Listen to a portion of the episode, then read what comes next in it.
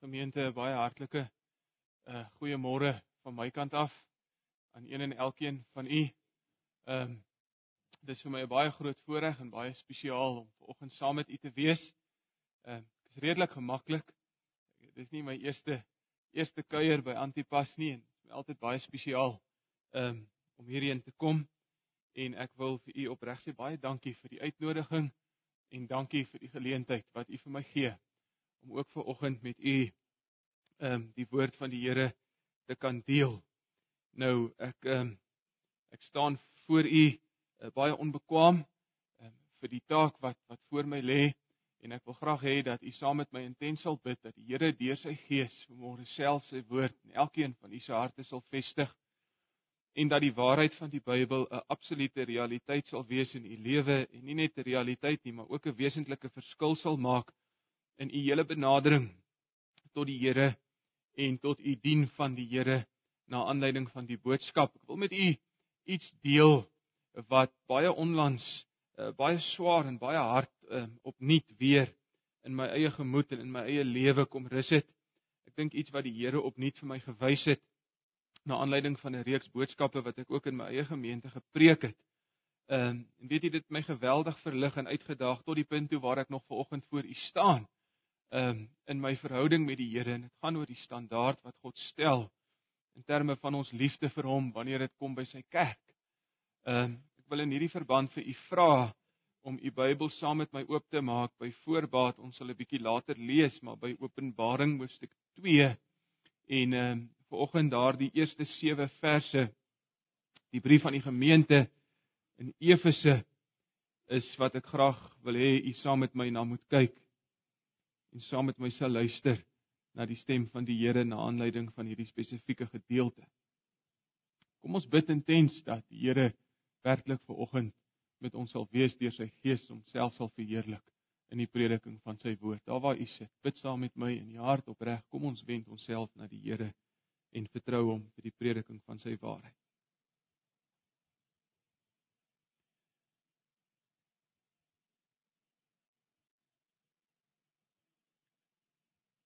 Hemelse Vader, baie dankie vir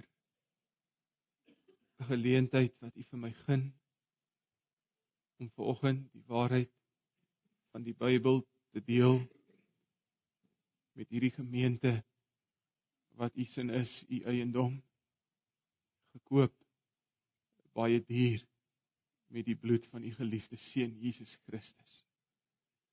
En dit is 'n voorreg om kerk te kan wees is 'n voorreg om deel te kan wees van die huishouding van God. Dankie dat ons kan saam wees ver oggend, vergader in U naam en dan nou te kom by die hoogtepunt van ons samesyn. En dit is die prediking van U woord. En U ken nou my hart ver oggend, Here. U weet van my gebreke, U weet van my onbekwaamheid. Ek is so bang dat my eie beperkings enigsins afbreek sal doen aan die suiwerheid en die krag van die evangelie. Maar dankie, dankie dat die sukses van hierdie boodskap in elke hart van elke oom en tannie wat voor my sit nie in my hande is nie en ook nie Here van my afhang nie. Dankie dat ek vandag vir u kan vertrou en vir u kan vra om self die prediker te wees deur die werking van u Gees. Geef my vrymoedigheid. En vul my denke en my mond met dit wat vanuit die hemel kom. En gee dat die harte wat luister vanoggend voorberei sal wees. Dat die vrug van die saad van die evangelie 30, 60, 100voudig sal wees in elke lewe. En ek vra dat U vir my ook vrymoedigheid sal gee. Here dat U ook in my eie lewe vandag na aanleiding van hierdie boodskap verandering sal werk. Ek wil nie huis toe gaan dieselfde as wat ek hierheen gekom het nie. En ek bid dat elkeen van hierdie mense vandag, Here, nie dieselfde sal uitstap as wat hulle ingestap het nie. Mag u genade in hierdie dag groot wees oor hierdie samekoms. En mag dit u behaag, Vader, om vandag te kyk na die een na hom wat langs u sit op die troon in die hemele, u geliefde seun, Jesus Christus, die Here. En ter wille van hom en sy waardigheid antwoord my gebed en gee vir ons vandag wat ons van U vra en kom en verheerlik U self en U naam in en deur die prediking van U woord. Kom doen dit. U is dit werd. U verdien dit. Mag ons verwagting vandag van U wees. En dankie dat ons in geloof weet dat U nie teleur sal stel nie. Onderneem na die rykdom van die genade in die kansel sowel as in die bank. En spreek vandag, Here, spreek. Want U gemeente, U kinders, U knegte luister. Ons vra en ons bid in geloof met verwagting ter wille van Jesus Christus, die Here.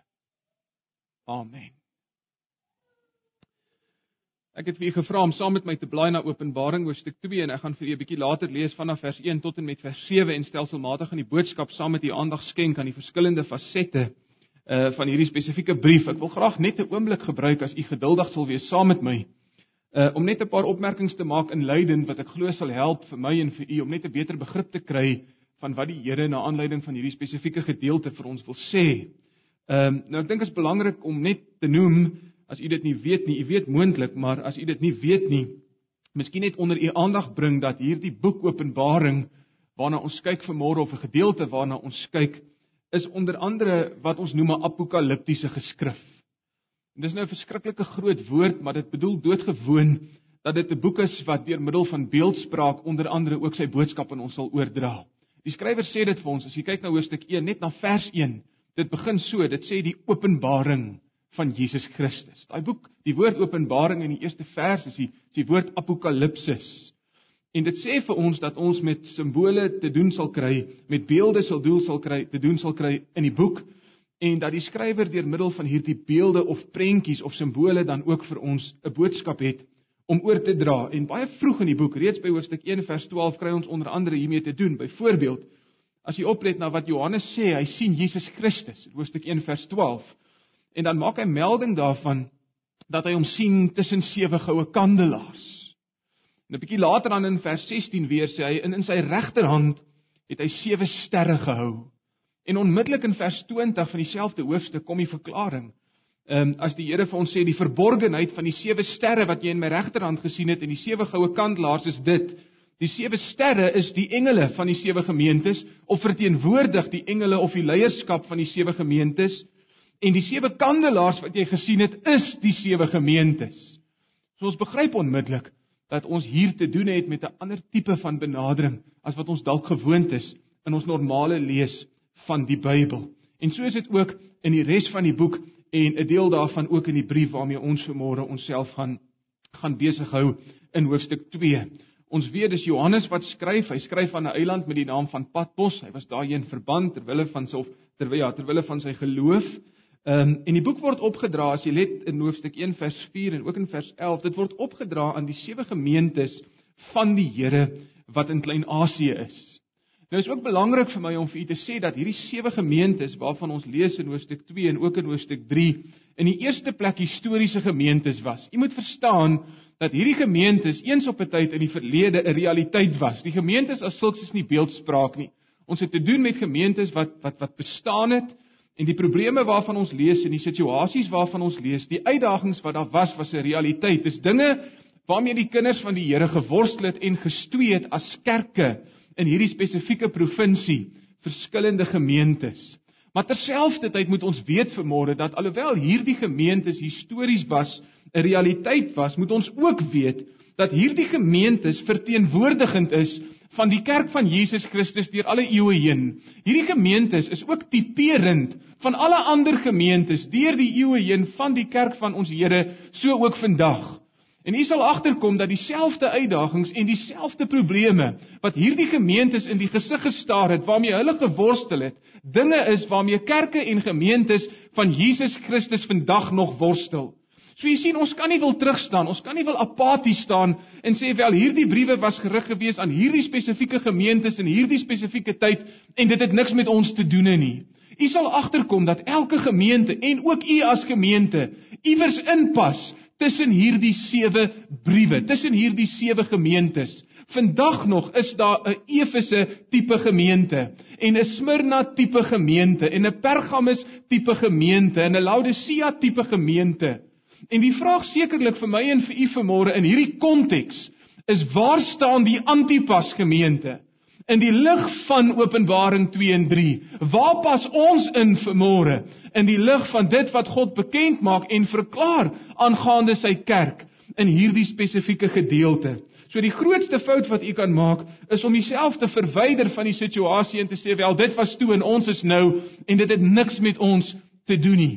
Ons verstaan die gemeentes as 'n realiteit, maar ons verstaan ook dat hulle verteenwoordigend is van die kerk van die Here en derhalwe ook tot ons spreek in hierdie spesifieke oggend.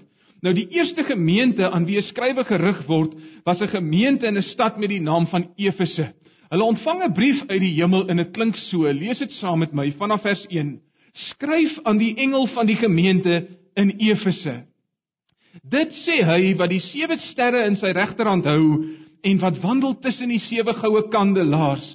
Ek ken jou werke en jou arbeid en jou lydsaamheid en dat jy slegte mense nie kan verdra nie en dat jy op die proef gestel het die wat sê dat hulle apostels is en dit nie is nie en hulle leenaars bevind het en dat jy verdra het en lydsaamheid besit en ter wille van my naam gearbei en nie moeg geword het nie maar ek het teen jou dat jy jou eerste liefde verlaat het Onthou dan waarvandaan jy uitgeval het en bekeer jou en doen die eerste werke. Anders kom ek gou na jou toe en sal jou kandelaar van sy plek verwyder as jy jou nie bekeer nie. Maar dit het jy dat jy die werke van die Nikolaïte haat wat ek ook haat. Wie oor het laat hom hoor wat die Gees aan die gemeente sê. Aan hom wat oorwin sal ek gee om te eet van die boom van die lewe wat binne in die paradys van God is. Lees net tot sover. Hou u Bybel oop en volg saam met my.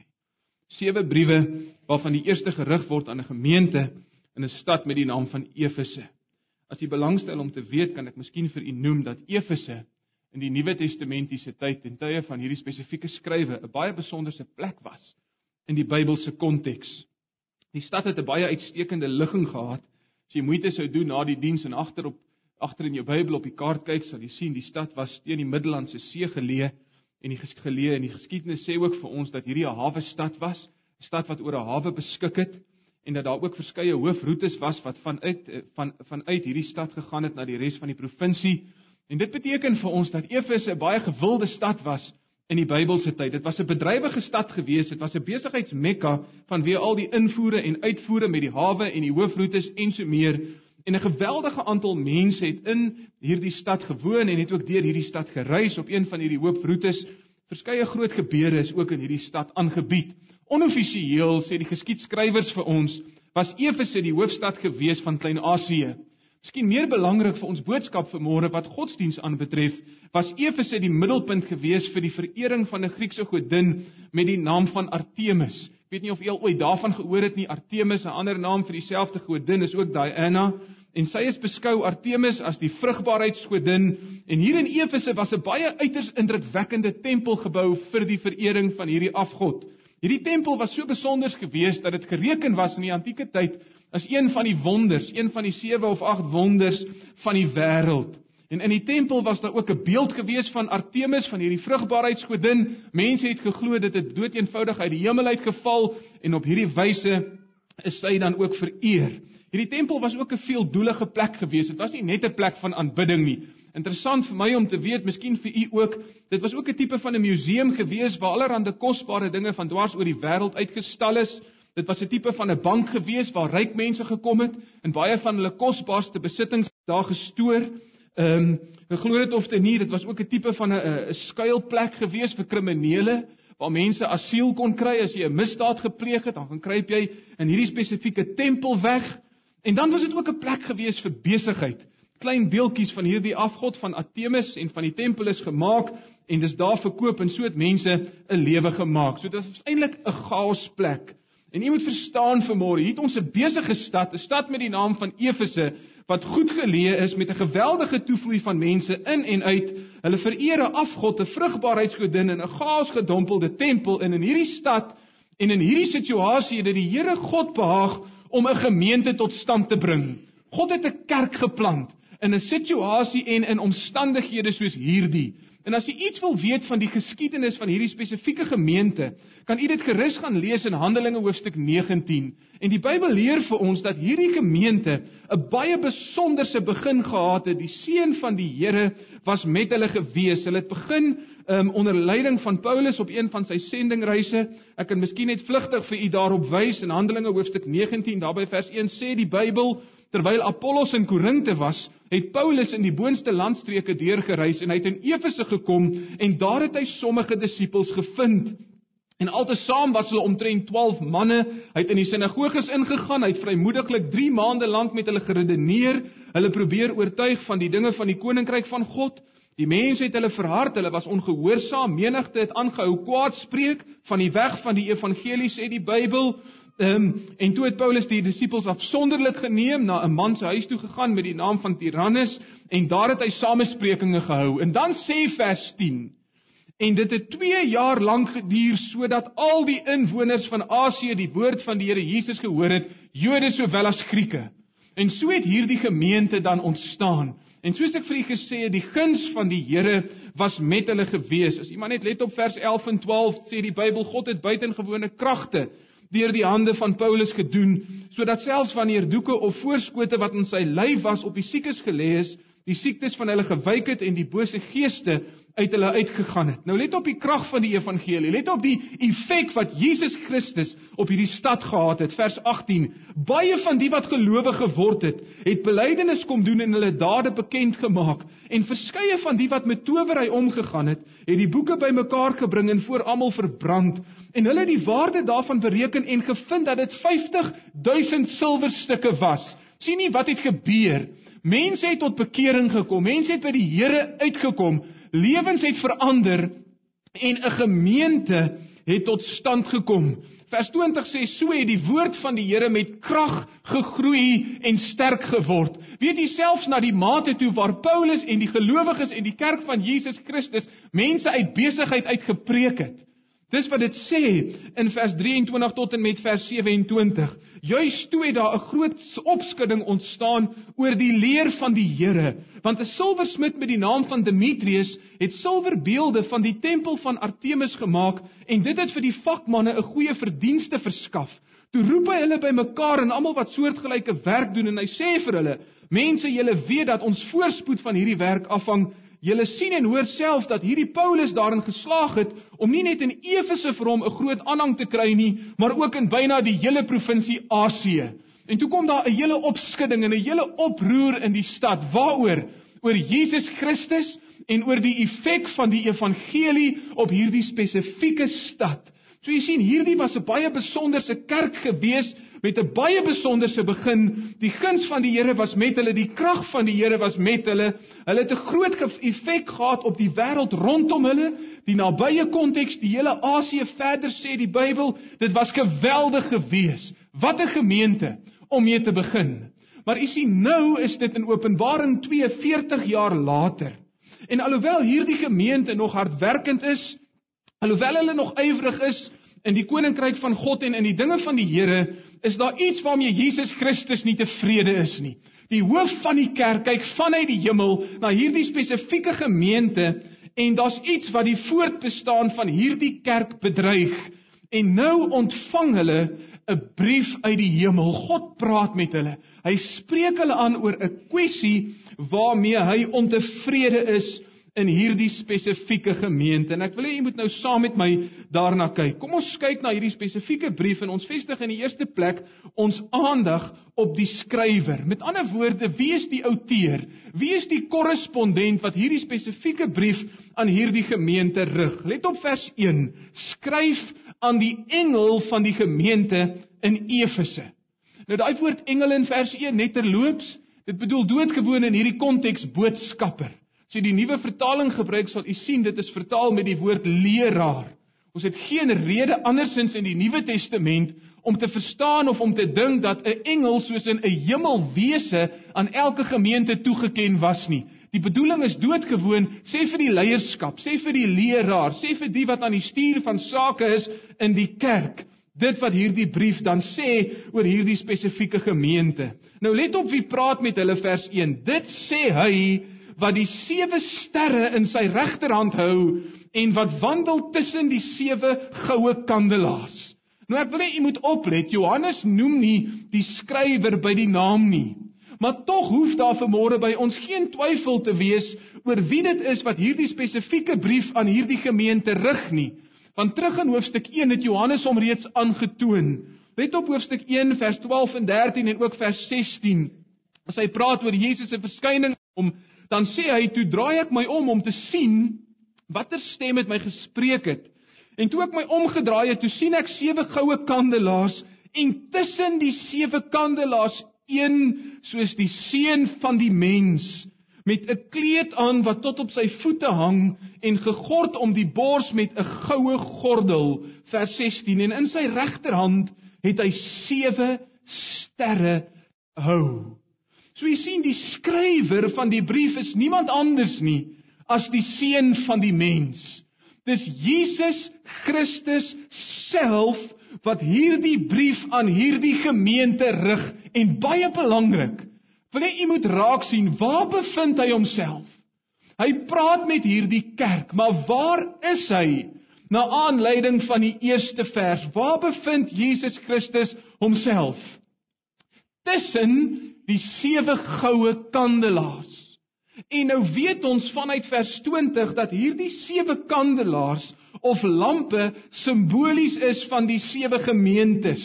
Die kandelaars verteenwoordig hierdie sewe kerke en dit is waar Johannes die Here Jesus Christus sien. So wat is die punt? Wat is die beginsel? Wat wil God vir ons leer?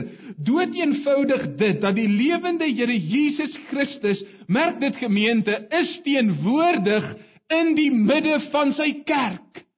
Jesus staan nie eenkant nie. Hy staan nie verwyderd nie. Hy's nie iewers daar ver afgesonder van sy liggaam nie. As Johannes hom sien, dan sien hy hom daar tussen die sewe goue kandelaars. Presies soos hy gesê het in Matteus 28 vers 20 dat hy met ons is tot aan die volëinding van die wêreld presies soos wat hy gesê het in hoofstuk 18 vers 20 van dieselfde evangelie dat hy daar is wanneer sy mense in sy naam vergader. En dis waar Johannes hom sien in Openbaring. Hy sien hom teenwoordig in sy kerk. Hy wandel tussen sy gemeentes. En wat beteken dit? Wil jy moet saam met my dink hieroor vanmôre in eenvoud. Jesus Christus in die midde van sy kerk. Dit beteken gemeente onder andere dat die Here Jesus intens en in detail bewus is van die toestand en die omstandighede in elke liewe gemeente. Verstaan u dit? Want hy is daar. Hy is teenwoordig in die midde van sy mense. Hy weet presies hoe dit met elke kerk gaan want hy self is teenwoordig en sy oë deursoek en hy kyk intens en derhalwe dra hy kennis van die presiese kondisie van elke gemeente. So u moet weet vanmôre wanneer hy dan in hierdie brief met die gemeente in Efese praat, dan's dit wat hy vir hulle sê nie gegrond op hoor sê nie. Jesus skryf nie op grond van dit wat iets op grond van dit wat iemand vir hom oor hierdie gemeente kom vertel het nie. Hy skryf nie op grond van tweedaagse inligting nie. Wat hy sê is gebaseer op persoonlike kennis en ervaring van dit wat in hierdie gemeente aangaan want hy self is daar in die midde van sy kerk.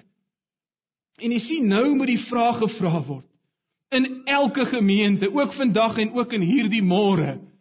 Wat sien en beleef die Here Jesus Christus van die Antipas gemeente hier in Pretoria. Gemeente hy vir wie niks verborge gehou kan word nie. Hy wat alles aanskou. As hy na ons kyk in hierdie môre, wat sien hy? En as ons dan nou 'n brief uit die hemel uit sou ontvang, wat sou dit sê? Wat sou die aanbevelings wees? Wat sou die goedkeuring van die Here wegdra en wat is daar dalk ook in ons geleedere wat nie die tevredenheid van die Here Jesus sou gehad het nie. Wat sal hy van ons sê? Jy sien ek en u kan dikwels voor mekaar en voor die leraar en voor die leierskap 'n front voorhou. Maar een ding is nie twee in die gemeente. As u kyk na die brief in Efese, leer ons 'n baie belangrike waarheid. En dit is dat elke detail, elke detail, die presiese detail van hierdie gemeente bekend is aan die seun van die mens. En dis nie omdat iemand hom vertel het nie. Dis omdat hy wandel tussen die kandelaars. Dis omdat hy teenwoordig is in die midde van sy gemeente.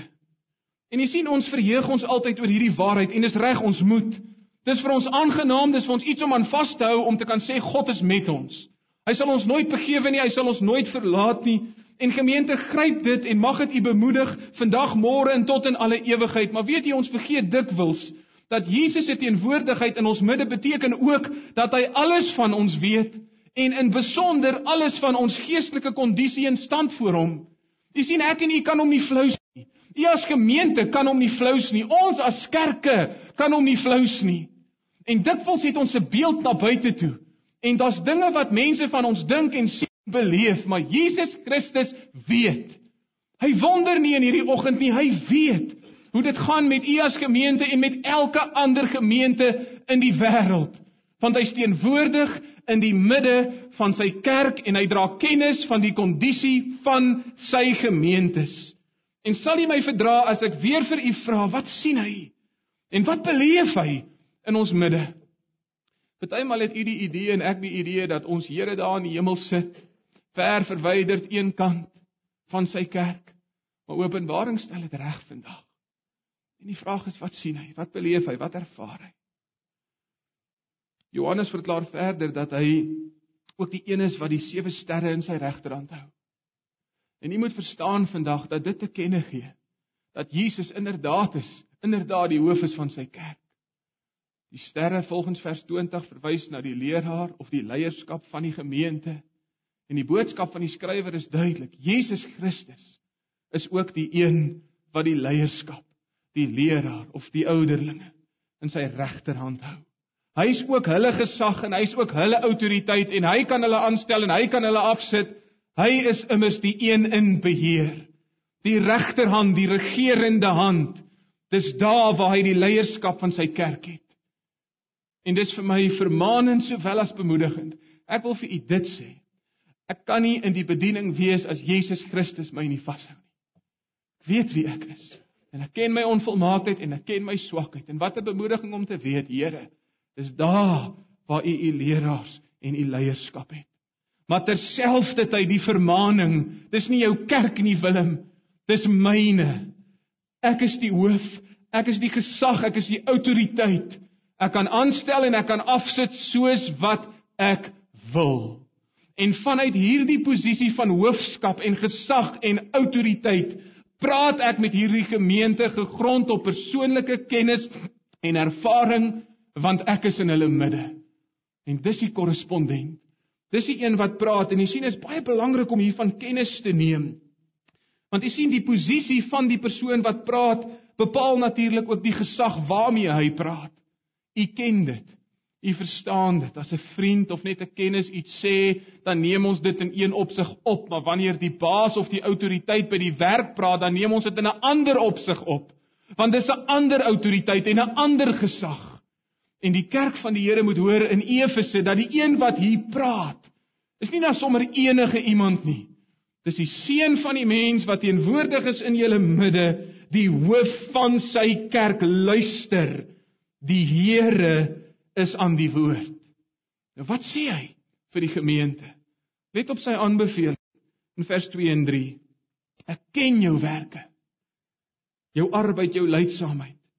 Dat jy slegte mense nie kan verdra nie, dat jy op die proef gestel het, die wat sê dat hulle apostels is en dit nie is nie. Hulle leenaars bevind het dat jy verdra, dat jy lydsaamheid besit, dat jy ter wille van my naam gearbei en nie moeg geword het nie. Ken dit sê die Here. Let op vers 6. Ek dit het jy dat jy die werke van die Nikolaïte haat, sê die Here wat ek ook haat. Nou let op Christen. Hierdie was 'n besonderse gemeente. Efese was 'n baie spesiale kerk. As jy let op die inhoud van die verse sal jy sien dat hierdie gemeente in die eerste plek 'n hardwerkende gemeente was. Merk die woord werke en arbeid in vers 2. Ken jou werke. Ken jou arbeid, sê die Here Jesus vir hulle. En as u nou die oorspronklike teks kon lees, sou u verstaan dat die woord wat hier gebruik word vir werke of arbeid in die oorspronklike teks dra die gedagte van om te werk tot jy sweet. OK. Dis die bedoeling hier. Jesus praat van hulle arbeid is is is die bedoeling om te kenne te gee dat jy jou werk tot op die punt toe waar jy jou gedaan werk. Dis die dis die gevoel van die woord in die oorspronklike om te werk tot op die punt toe waar jy nie meer kan nie. En dis hoe hierdie gemeente was. As Jesus na hulle kyk, dan sê hy wel ek sien dit raak. Dit hoort so. Ek gee vir julle erkenning vir hierdie spesifieke punt. Hierdie was nie 'n toeskouer gemeente nie. Weet jy, hierdie was nie 'n klomp Christene in Efese wat op die kantlyn of die paviljoen gesit en niks doen het nie. Hierdie was nie 'n klomp lui Christene of 'n klomp lui gelowiges uit wie jy sou sukkel om iets te kry nie. Nee, inteendeel, hierdie was 'n baie aktiewe gemeente. Hierdie was 'n besige gemeente. Hierdie was 'n bedrywige gemeente. Hierdie mense het gesweet vir die koninkryk van die Here. Hulle het alles ingesit tot op die punt toe waar hulle as te ware nie meer kon nie. Spesiale kerk in hierdie spesifieke verband. Hiermee saam sê die Bybel was hulle ook 'n volhardende gemeente. Let op vers 2, dit praat van lydsaamheid. En weer in vers 3 dat jy verdra en lydsaamheid besit. Nou kom ek help net vinnig ons jonger mense. Lydsaamheid is 'n ou menswoord. OK. Lydsaamheid verwys dood eenvoudig na om uit te hou. As dinge moeilik raak, as dinge warm raak, as jy nie meer kan nie. Dit dra die gedagte van om stamina te hê, om nie handdoek in te gooi nie. En dis hierdie kerk. Dis hierdie gemeente. Hulle het nie net hard gewerk nie. Hulle het nie net gesweet vir die Here nie, maar hulle het volhard in wat hulle gedoen het.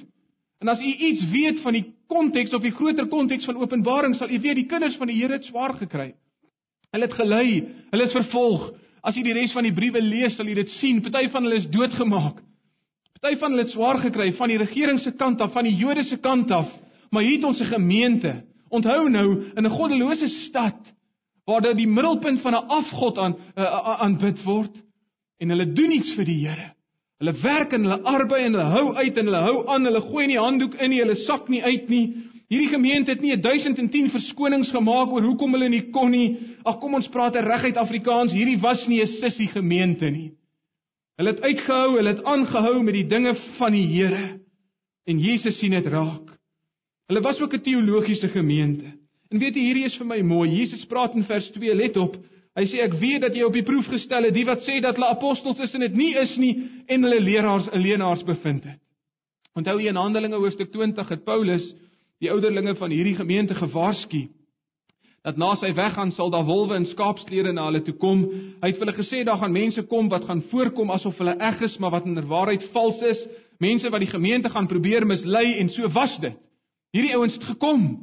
Efese het deurgeloop, maar Die Efese gemeente het die waarheid geken. Hulle teologie was reg, miskien was hulle baptiste.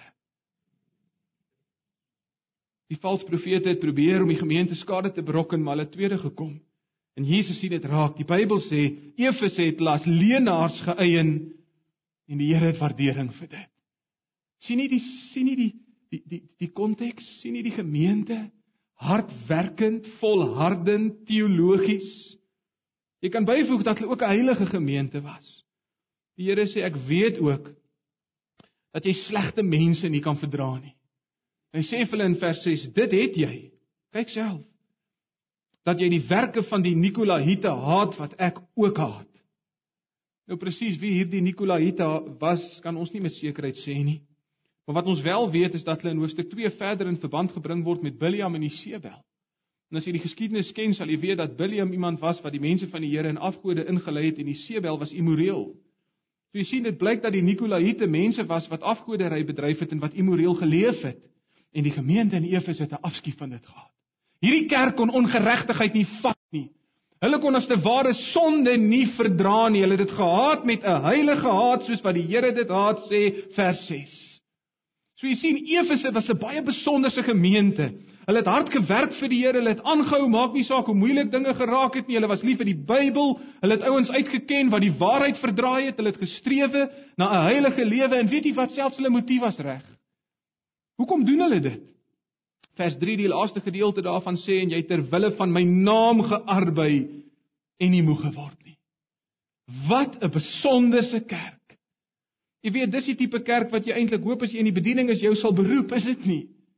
Wie en wat anders kan jy vra van 'n gemeente as om betrokke te wees en bedrywig te wees en te sweet vir die Here en uit te hou en aan te hou om teologies te wees, om die Bybel te ken, die waarheid te ken, om te streef na heiligheid en om dit als te doen vir die naam van die Here. En ek wil hê jy moet verstaan vanmôre Jesus soek dit. Jesus hou daarvan. Hy gee erkenning vir dit. Ek ken jou werke, ek is daar, dis wat ek raak sien en dis wat ek waardeer. En ek kan vanmôre vir u effens van die punt af sê, dis waarna u moet streef as kerk van Jesus Christus.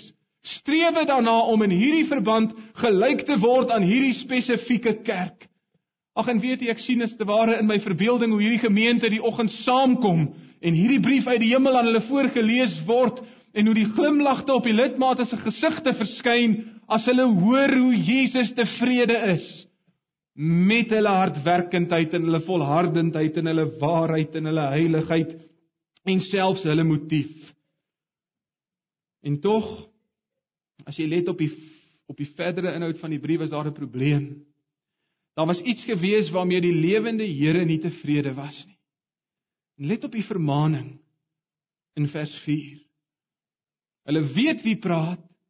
Hulle het die aanbeveling gekry en dan is daar 'n maar maar ek het in jou dat jy jou eerste liefde verlaat het. Luister na die nuwe vertaling.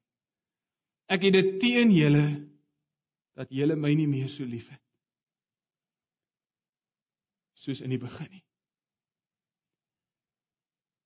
Die Here kyk verby al die uiterlike bedrywighede van hierdie gemeente. Hy sien dit raak en hy gee erkenning en dan gaan hy dan gaan hy dieper, dan gaan hy reguit na die hart toe. En hy sien dat hierdie Christene se liefde vir hom verkoel het. En jy moet oplet vanoggend. Die beskuldiging teen hierdie kerk is nie dat hulle die Here nie liefhet nie. Dis nie die beskuldiging nie. Hulle het hom lief. Jy doen nie wat jy doen in vers 2 en 3 en 6 as jy geen liefde vir die Here het nie. Dis nie die probleem nie.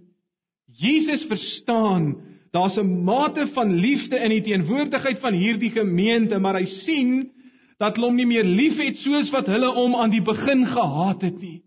Hy sien dat die intensiteit van hulle liefde vir hom het afgeneem. Ja, Hulle het nog vir die Here gewerk, hulle het nog gearbei, maar hulle liefde het afgekoel en vir Jesus Christus is hierdie afgekoelde liefde 'n onaanvaarbare toedrag van sake. En ek en u kan dit begryp, kan ons nie? Ag tannie, kan ek maar gou vanoggend vir jou vra? As die oom nou na jou toe sal kom vandag en vir jou sal sê dat hy nog steeds vir jou sal sorg en nog steeds vir jou sal onderneem, en nog steeds al sy verantwoordelikhede sal nakom en al sy verpligtinge soos altyd. Maar hy sê vir jou dat hy jou nie meer liefhet soos die dag toe hy met jou getrou het nie. Sal dit vir jou oukei okay wees? Sal alles vir jou doen. Niks gaan verander nie. Die huishouding gaan aan soos voorheen, maar weet een ding. Die liefde is nie meer dieselfde nie. Sal dit reg wees met jou? En dis die Here in die teks. Die program is daar en die kalender is daar en die bedrywigheid is daar en die byeenkomste word gehou en alles gebeur. En dit gebeur tot op die punt toe waar Christene sweet en dan kom ons Here in die midde van sy gemeente en hy sê vir hulle daar's iets waarmee ek nie tevrede is nie en dis die blote feit dat die intensiteit van julle liefde vir my het afgeneem en nou gemeente ek sidder ek sidder in my hart in opregtheid voor die Here vir môre as ek vir myself en vir u moet vra, is Jesus Christus nog jou eerste liefde? En u moet luister na wat ek vra. God wil nie weet of ek en jy hom liefhet nie. U het my reg gehoor. Die Here God wil nie net by ons hoor dat ons hom liefhet nie. Wat hy wil weet is of hy ons eerste liefde is. Of ons hom liefhet meer as enige iets of iemand anders. Dis die standaard. Kyk, dis die standaard. En dis wat hy wil weet by my en by u as sy kerk. in hierdie dag. En jy moenie hiermee goedkoop omgaan nie, asseblief nie. Weet jy partymal dan dan sing ons dit so maklik. Ons sê dit so maklik. Ek is lief vir U, Here. Ons sing die koortjies, I love you Lord, and I lift my voice. Uit liefde wil ek U dien, Here, want lief het U my gegee. In moments like these I sing out a song singing I love you Lord, maar dis nie wat God wil weet nie. Dis nie goed genoeg om Jesus Christus lief te hê nie. Dis nie goed genoeg nie. Hy moet jou eerste liefde wees. My eerste liefde.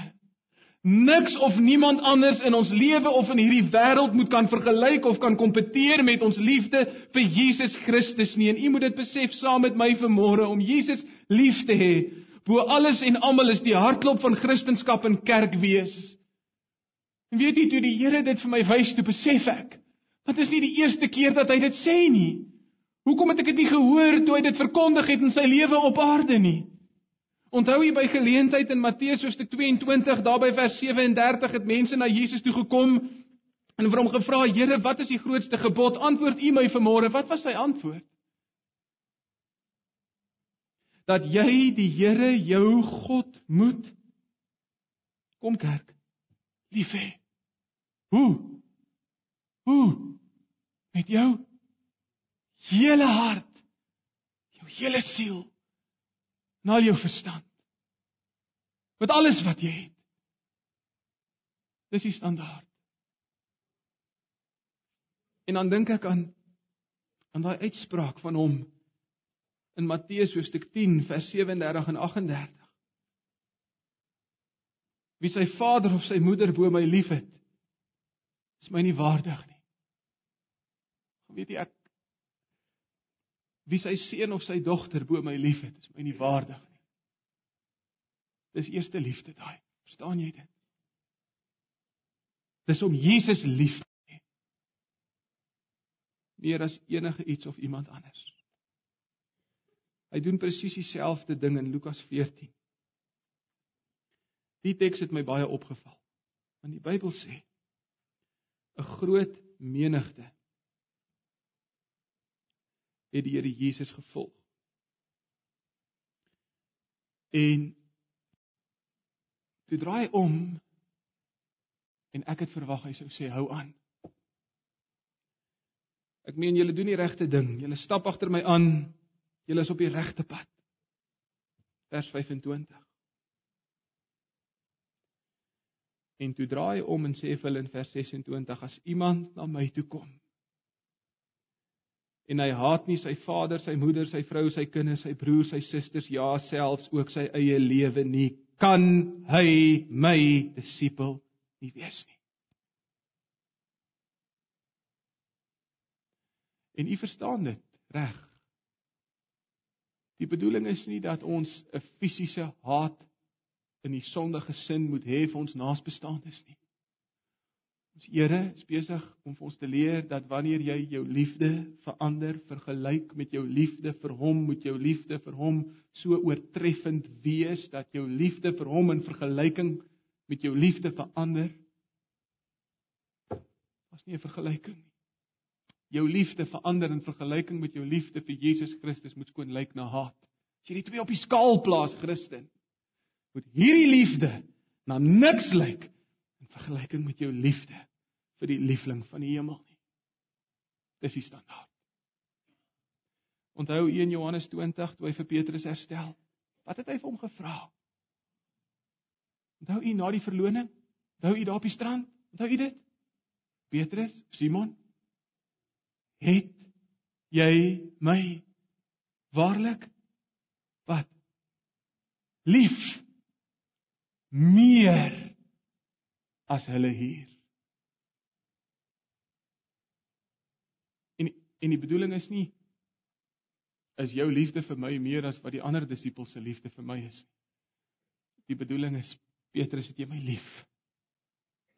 Jy my lief meer as enige iets of iemand anders. Kan ek vir u vra, sal u my kwaadlik neem? Miskien nooi u my nooit weer nie. Oom en tannie, het jy die Here lief? En nou het ek dit verkeerd gevra. Het jy Jesus Christus as eerste liefde? Ek wil dit weer vir u sê om vandag te sê ek is lief vir Jesus Christus is nie genoeg nie. Ek het u lief, Here. Meer. Meer. Meer as enigiets of enige iemand. Dis wat hy wil hoor. Dis wat hy wil hoor. Gaan hy dit in jou hart vind?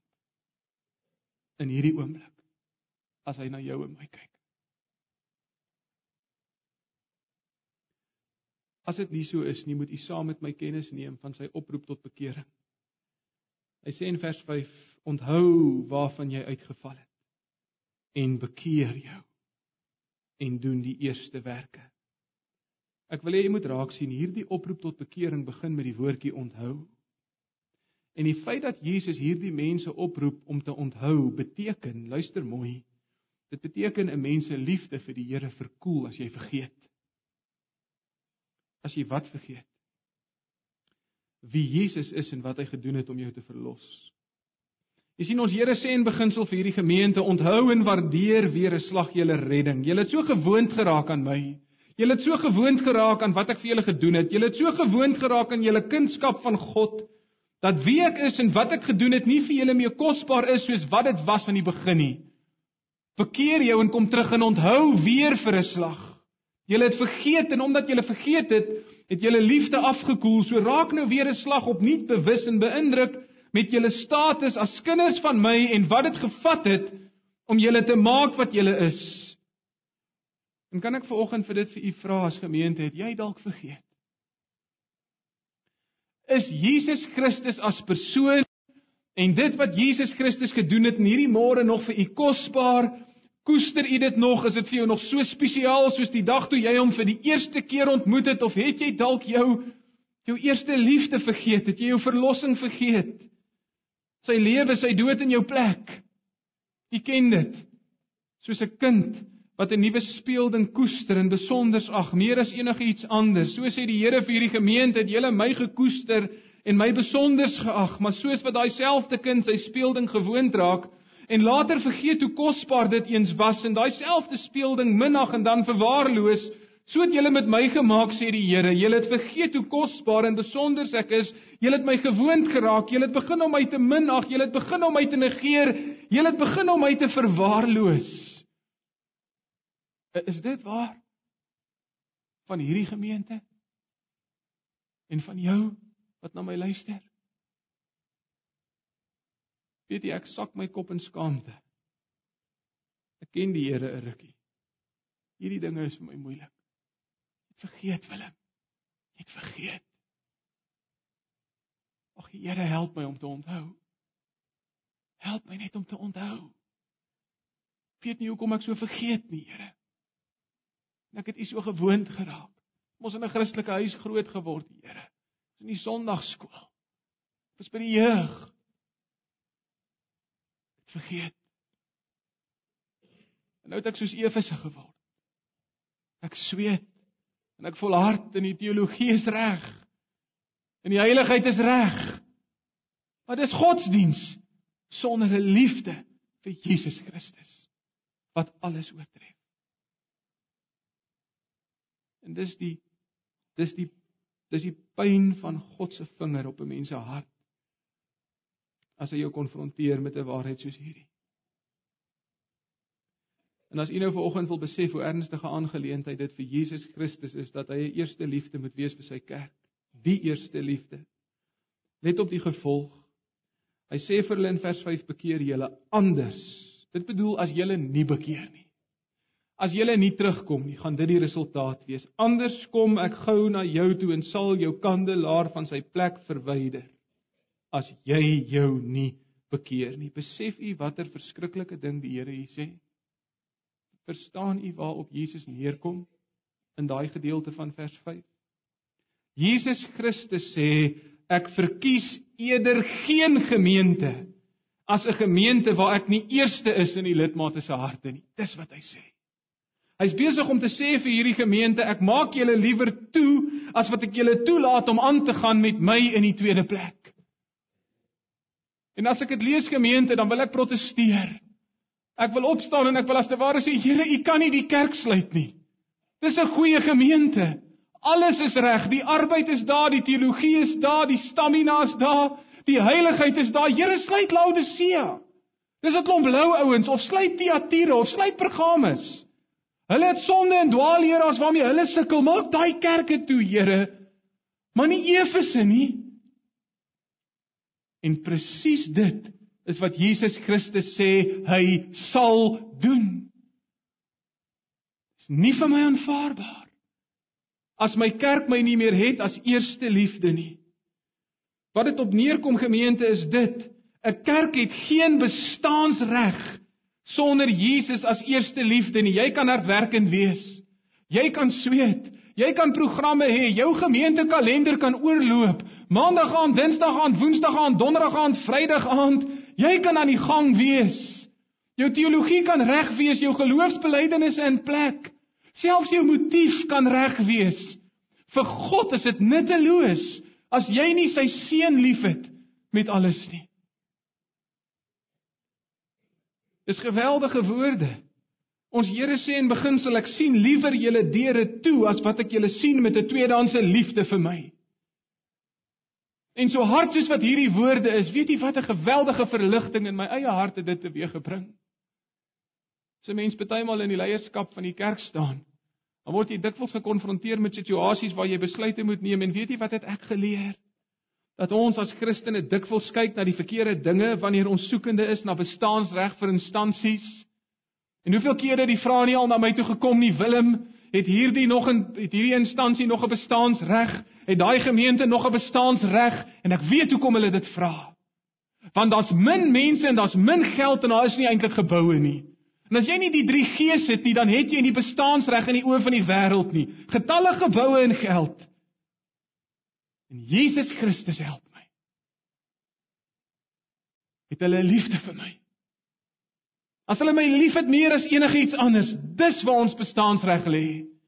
Jy kan al die geld in die wêreld hê, jy kan die beste fasiliteite hê, jou gemeente kan duisende op hulle lederrol hê, hulle sal 'n brief uit die hemel uit kry wat sê ek sal jou kandelaar verwyder.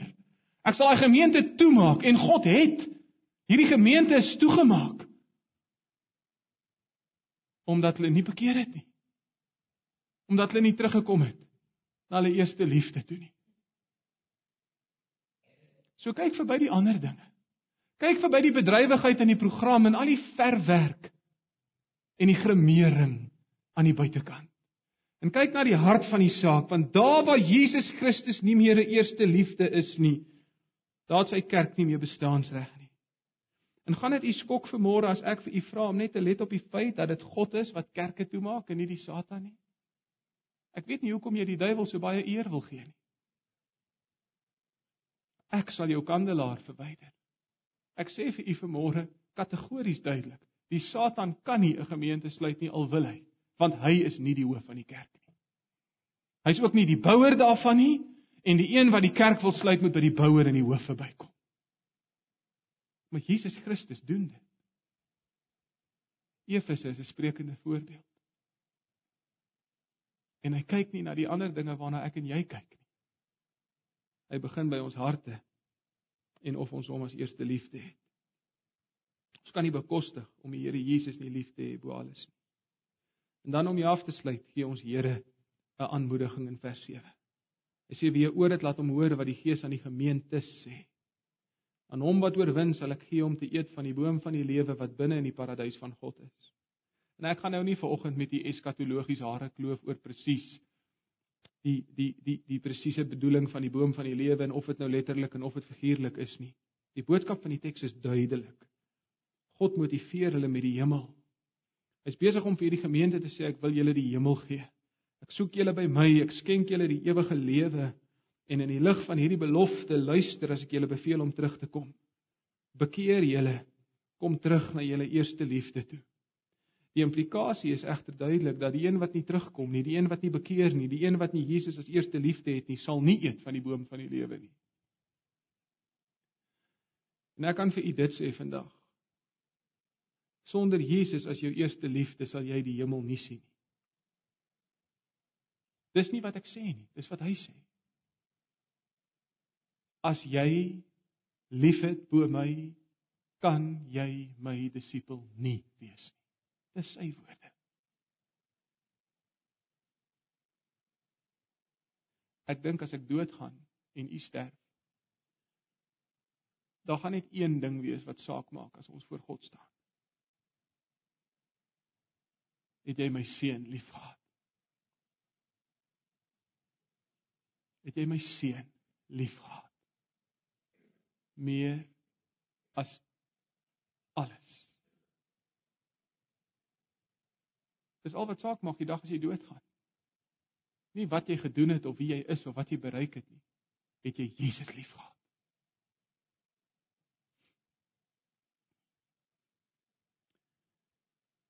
Hy wat die sewe sterre in sy regterhand hou en wat wandel tussen die kandelaars, kyk na ons vandag. Sy oë mis niks en hy dra deeglik kennis van hoe ons harte voor hom staan. En alhoewel daar sekerlik dinge is waarvoor hy ons lof sal gee, alhoewel daar sekere dinge is waarvoor ons ook erkenning sal ontvang, is die vraag of ek en u ook vanoggend sal hoor ek het dit teen jou dat jy jou eerste liefde verlaat het. Ek het dit teen julle dat julle my nie meer liefhet bo alles nie.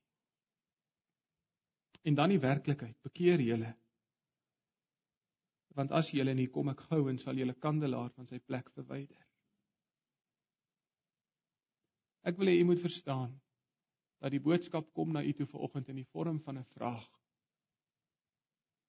Dis nie in my mag en my gesag en my autoriteit om vir enige van u of enige iemand anders te sê waar jy met die Here Jesus staan nie. Ek weet en u weet en God weet of ons ook vandag sal hoor, maar ek het teen jou ek het teen jou dat jy my nie meer liefhet soos aan die begin nie. Kom terug. Bekeer jou. Onthou. Onthou. Want as jy nie sal ek einde maak aan jou bestaan. Weet jy ek het tot die konklusie gekom na aanleiding van die teks dat die stand van 'n gemeente in alles, in hulle toewyding, in hulle bywoning van dienste en byeenkomste, in hulle bydraes, in hulle betrokkeheid, alles, alles, alles, alles, alles word bepaal deur die lidmate se liefde vir Jesus Christus.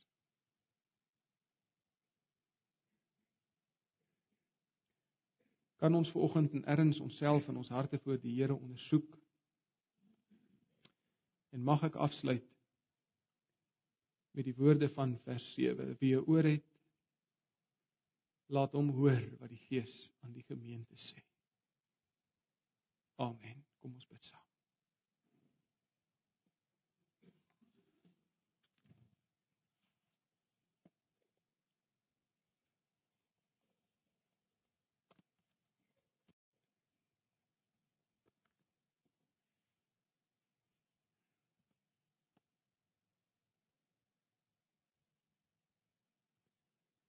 Hemelse Vader.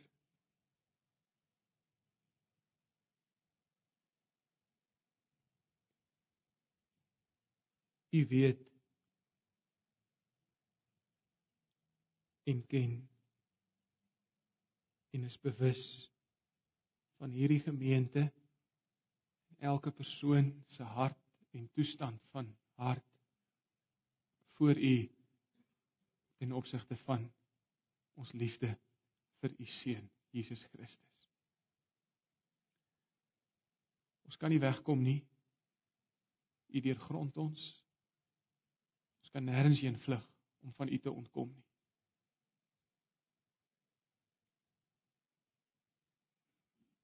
En ek wil maar in eenvoud bid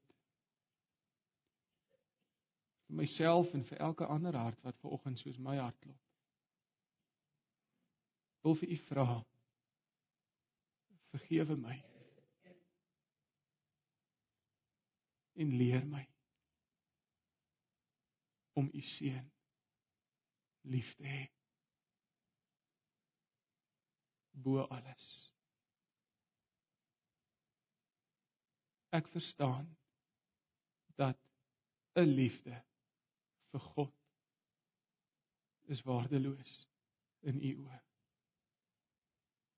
U sal nie met 'n substandaard tevrede wees nie. Jesus Christus mag nie 'n liefde in my lewe wees nie. Hy moet die liefde in my lewe wees.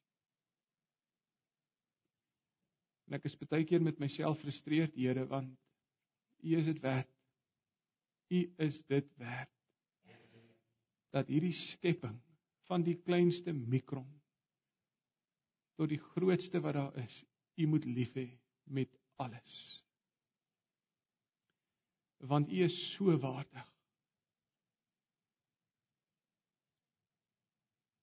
En hier is ons vandag en ons sukkel. Ons sukkel. Wees lankmoedig met my. Wees lankmoedig met ons Here. Verdra ons en trek ons. Openbaar U self nog meer aan ons. En help ons.